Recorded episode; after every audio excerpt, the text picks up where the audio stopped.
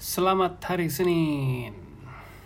Ketemu lagi bincang-bincang bola Belanda untuk mereview spill ronde 3 yang baru saja uh, usai ya akhir pekan lalu dengan sejumlah pertandingan yang mungkin tidak ada kejutan berarti tapi bukan berarti juga tim-tim unggulan berhasil meraih kemenangan dengan mudah.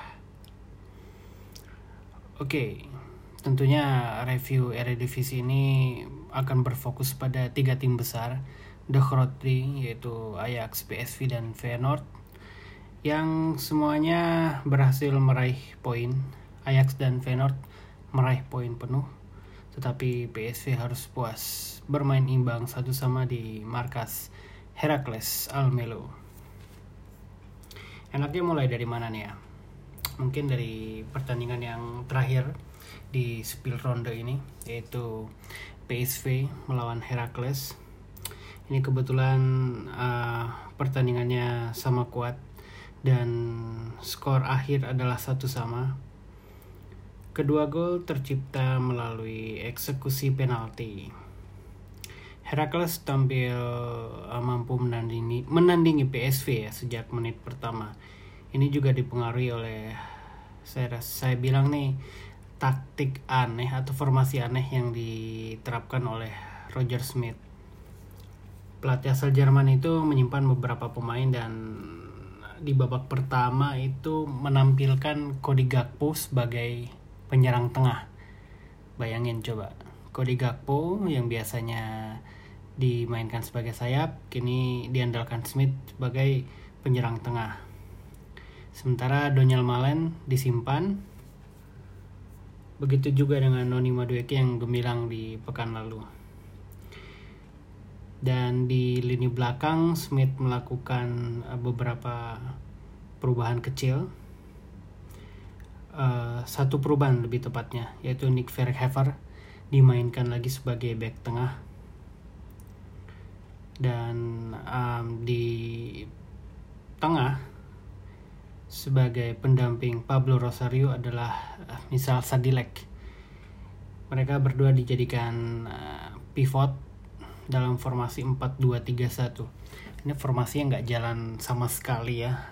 Permainan PSV di babak pertama itu nyaris tidak membuahkan peluang berarti dan tidak ada ancaman juga yang ditujukan kepada uh, pertahanan Herakles. Mungkin juga Herakles bermain dengan 5 back. Mereka memainkan 5-3-2 dengan strategi counter yang cepat. Dan pada menit ke-31 tuan rumah berhasil mencuri keunggulan. Ini uh, keunggulan ini tercipta melalui penalti dan asal muasal penalti ini sedikit kontroversi karena Verhever menyentuh bola dengan bahu.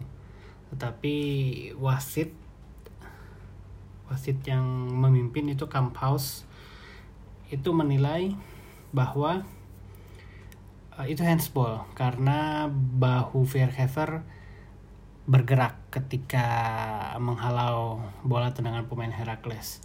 Akhirnya penalti dieksekusi oleh mantan pemain PSV yaitu Ray Flut yang berhasil menjebol gawang Mfogo. Ada-ada aja ya ini PSV uh, cara-cara mereka kebobolan di dua pertandingan terdahulu ada kesalahan uh, kiper Mfogo dan sekarang ini juga lagi-lagi lewat kesalahan pemain, kesalahan individual. Walaupun mungkin bisa sedikit diperdebatkan uh, karena memang uh, kalau dilihat itu debatable sih keputusan wasit untuk memberikan penalti. Tapi ya itu 50-50. Ada mungkin kalian kalau kalian melihat tayangan ulangnya uh, kalian pro dan kontra. Mungkin bisa memahami keputusan wasit tapi juga mungkin uh, komplain dengan keputusan wasit. Di babak kedua, Smith langsung melakukan tiga pergantian sekaligus. Akhirnya Malen dimasukkan, kemudian juga Madueke dimasukkan. dan juga um, satu perten satu pemain lagi yang diganti adalah uh, Sadilek yang digantikan oleh uh, Ryan Thomas. Praktis PSV kembali bermain dengan 4-3-3 klasik.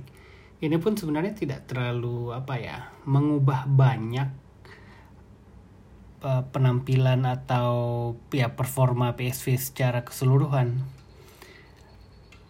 Yang membedakan adalah kualitas individu terbukti dengan gol balasan yang tercipta itu pada menit ke-51 jadi di baru babak kedua baru berjalan 6 menit PSV memperoleh hadiah penalti setelah Madueke dijatuhkan di kotak penalti. Ini juga berkat keterampilan individu Madueke ya yang uh, apa ya yang mengubah arah larinya sehingga mau tidak mau itu diganjal oleh pemain Herakles. Eksekusi penalti diambil oleh bek kiri PSV asal Jerman, Philip Max.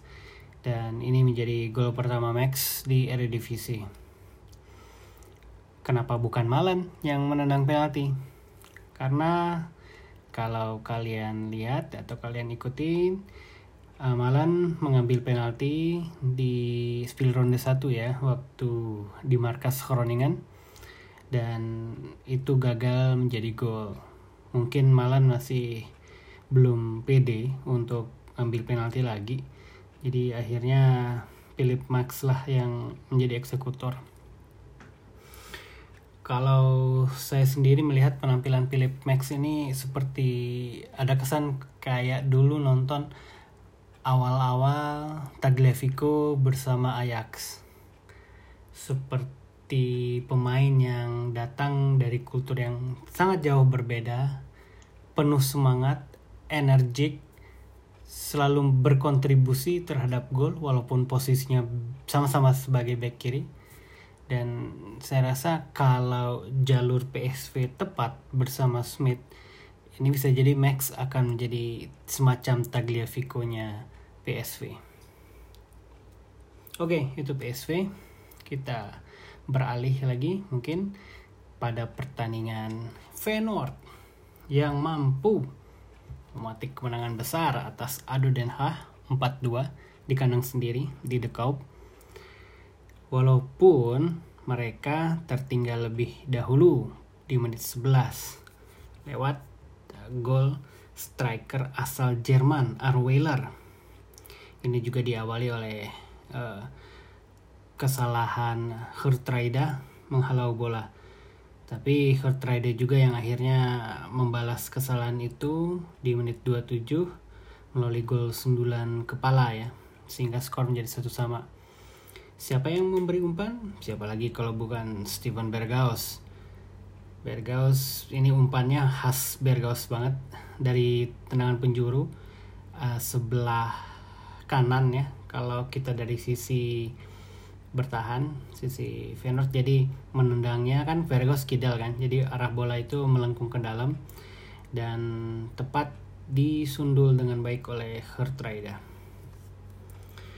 pertandingan sama kuat ini uh, Feyenoord dan Ado sampai akhirnya di awal babak kedua tepatnya 57 menit 57 ini Feyenoord membalikan kedua kedudukan jadi unggul 2-1 berkat gol tendangan akrobatik back Argentina mereka Marco Senesai.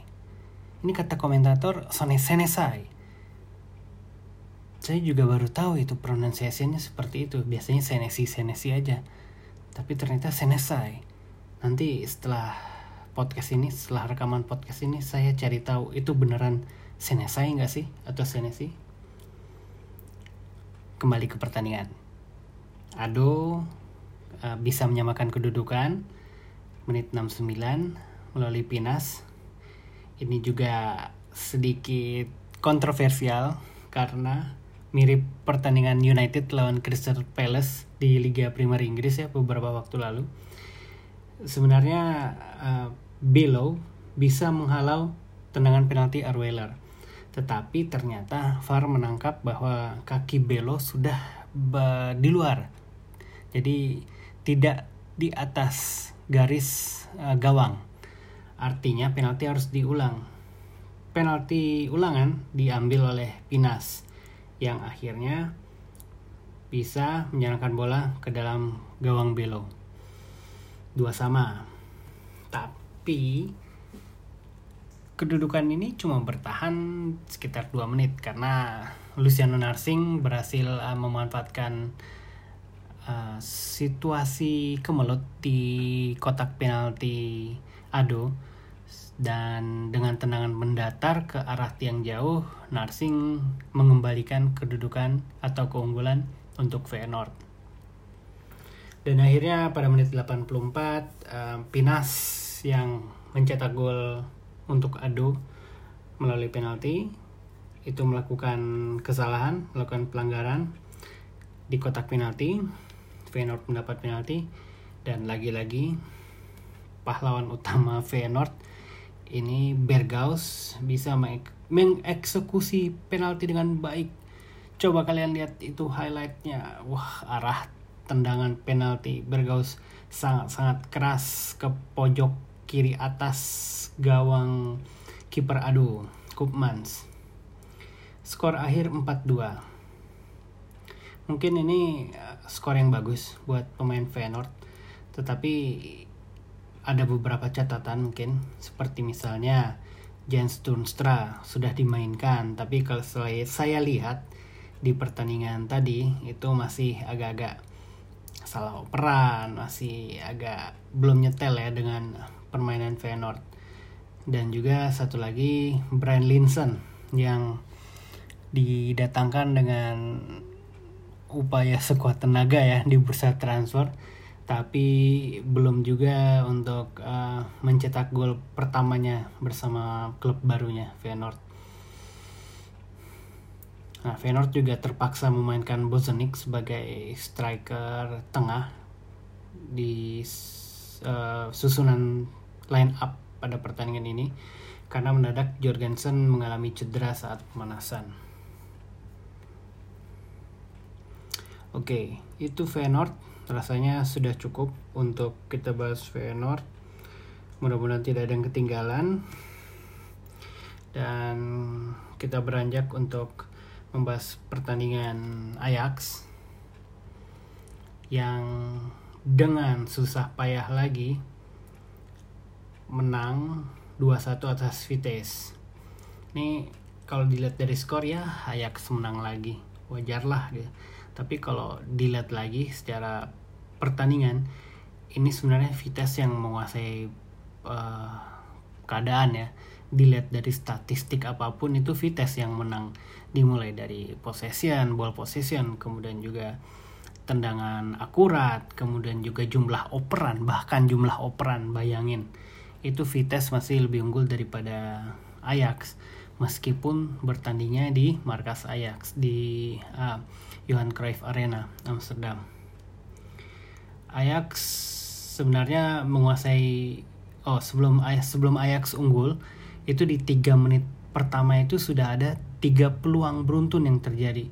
Vitesse bisa menciptakan dua peluang sementara Ajax membalas dengan satu. Ini bukti bahwa pertandingan sebenarnya berjalan terbuka dan menarik. Nah, Promes membuka keunggulan Ajax menit 21 melalui skema yang sangat-sangat baik dan Promes menuntaskan uh, asis dari Mazrawi. Ini lagi-lagi ada peran dari Kudus ya. Uh, sebelum terciptanya gol Promes. Kudus ini baru debut minggu lalu kalau kalian uh, ketinggalan menyaksikan spill ronde 2 dan langsung dinobatkan sebagai uh, pemain terbaik pertandingan pekan lalu. Nah, masalahnya pada menit 44 Ajax kehilangan satu pemain gara-gara Edson Alvarez di kartu merah karena pemain Meksiko itu melakukan insiden tanpa bola ya jadi dia menginjak kaki uh, Openda sehingga wasit tadinya nggak ngelihat dan tidak tidak berencana memberi hukuman apa pun kepada Alvarez tapi kemudian dibisiki oleh uh, VAR oleh wasit video dan akhirnya memberikan kartu merah kepada Alvarez. Lagi-lagi Ajax harus bermain 10 orang sebelum peluit jeda berbunyi. Ini mirip kejadian di spill ronde 1 ya di markas Sparta. Dan kalau saat itu uh, Ajax harus bersusah payah menang 1-0 lewat Anthony, kali ini pun juga menangnya susah payah dan juga berkat Anthony juga sebenarnya. Jadi dengan 10 pemain Ajax harus melakukan beberapa um, adjustment apa ya bahasa Indonesia adjustment. Penyesuaian antara lain um, Labiat akhirnya lagi-lagi Labiat ya. Kasihan banget Labiat. Dikorbankan untuk um, digantikan dengan Eklan Kam saat jeda. Sehingga Ajax bermain dengan formasi 4-3-2 di depan itu Promes dan Anthony sebagai nggak ada yang striker murni di antara mereka jadi penyerang bayangan. Sementara tadi agak mundur untuk membantu alur bola dari tengah. Ini Vites sempat Vites beberapa kali ya menciptakan peluang. Ada kena tiang ada yang satu yang di uh, sundulan yang ditepis oleh Onana. Dan puncaknya menit 56 itu akhirnya Onana harus mengakui juga eh, kebolehan Vites melalui tendangan keras Bazur. Ingat kan Bazur? Ya, mantan Ajax. Dan sejak gol penyama kedudukan itu tekanan Vites eh, nggak uh, berhenti dan ya untungnya sih buat penonton netral pun permainan pertandingan jadi terbuka. Beberapa kali Anthony beraksi ya. Kudus dan Anthony eh, sangat-sangat keterampilan individu mereka sangat-sangat menentukan di pertandingan kali ini. Dan terbukti kombinasi keduanya juga yang memberikan gol kemenangan bagi Ajax di menit 70. Sebenarnya sebelum Bazur mencetak gol penyama kedudukan ada satu peluang bagus yang diraih oleh Eklan Kam yaitu bisa mengejar umpan terobosan Anthony di dalam kotak penalti dan juga melewati uh, Remco Pasvir kiper Vitesse. Tapi dari sudut sempit itu sepertinya Eklan Kam lebih mengincar gol ya langsung uh, menembak mendatar untuk uh, memasukkan bola ke dalam gawang. Padahal kalau sedikit tenang itu ada promes atau tadik yang menyusul dari lini kedua dan bisa mencocor bola dengan mudah di muka gawang. Dan bola akhirnya kena tiang jauh dan gagal um, menjadi gol. Ini catatan juga bagi Eklan Kam karena seperti yang saya bilang di grup Telegram ngobrolin Eredivisie musim ini musim menentukan bagi Eklan Kam karena uh, ya ini make it or break it eh, season buat Eklan Kam sudah waktunya dia menunjukkan atau membuktikan kemampuan bahwa dia bisa menjadi andalan Ajax. Oke, okay.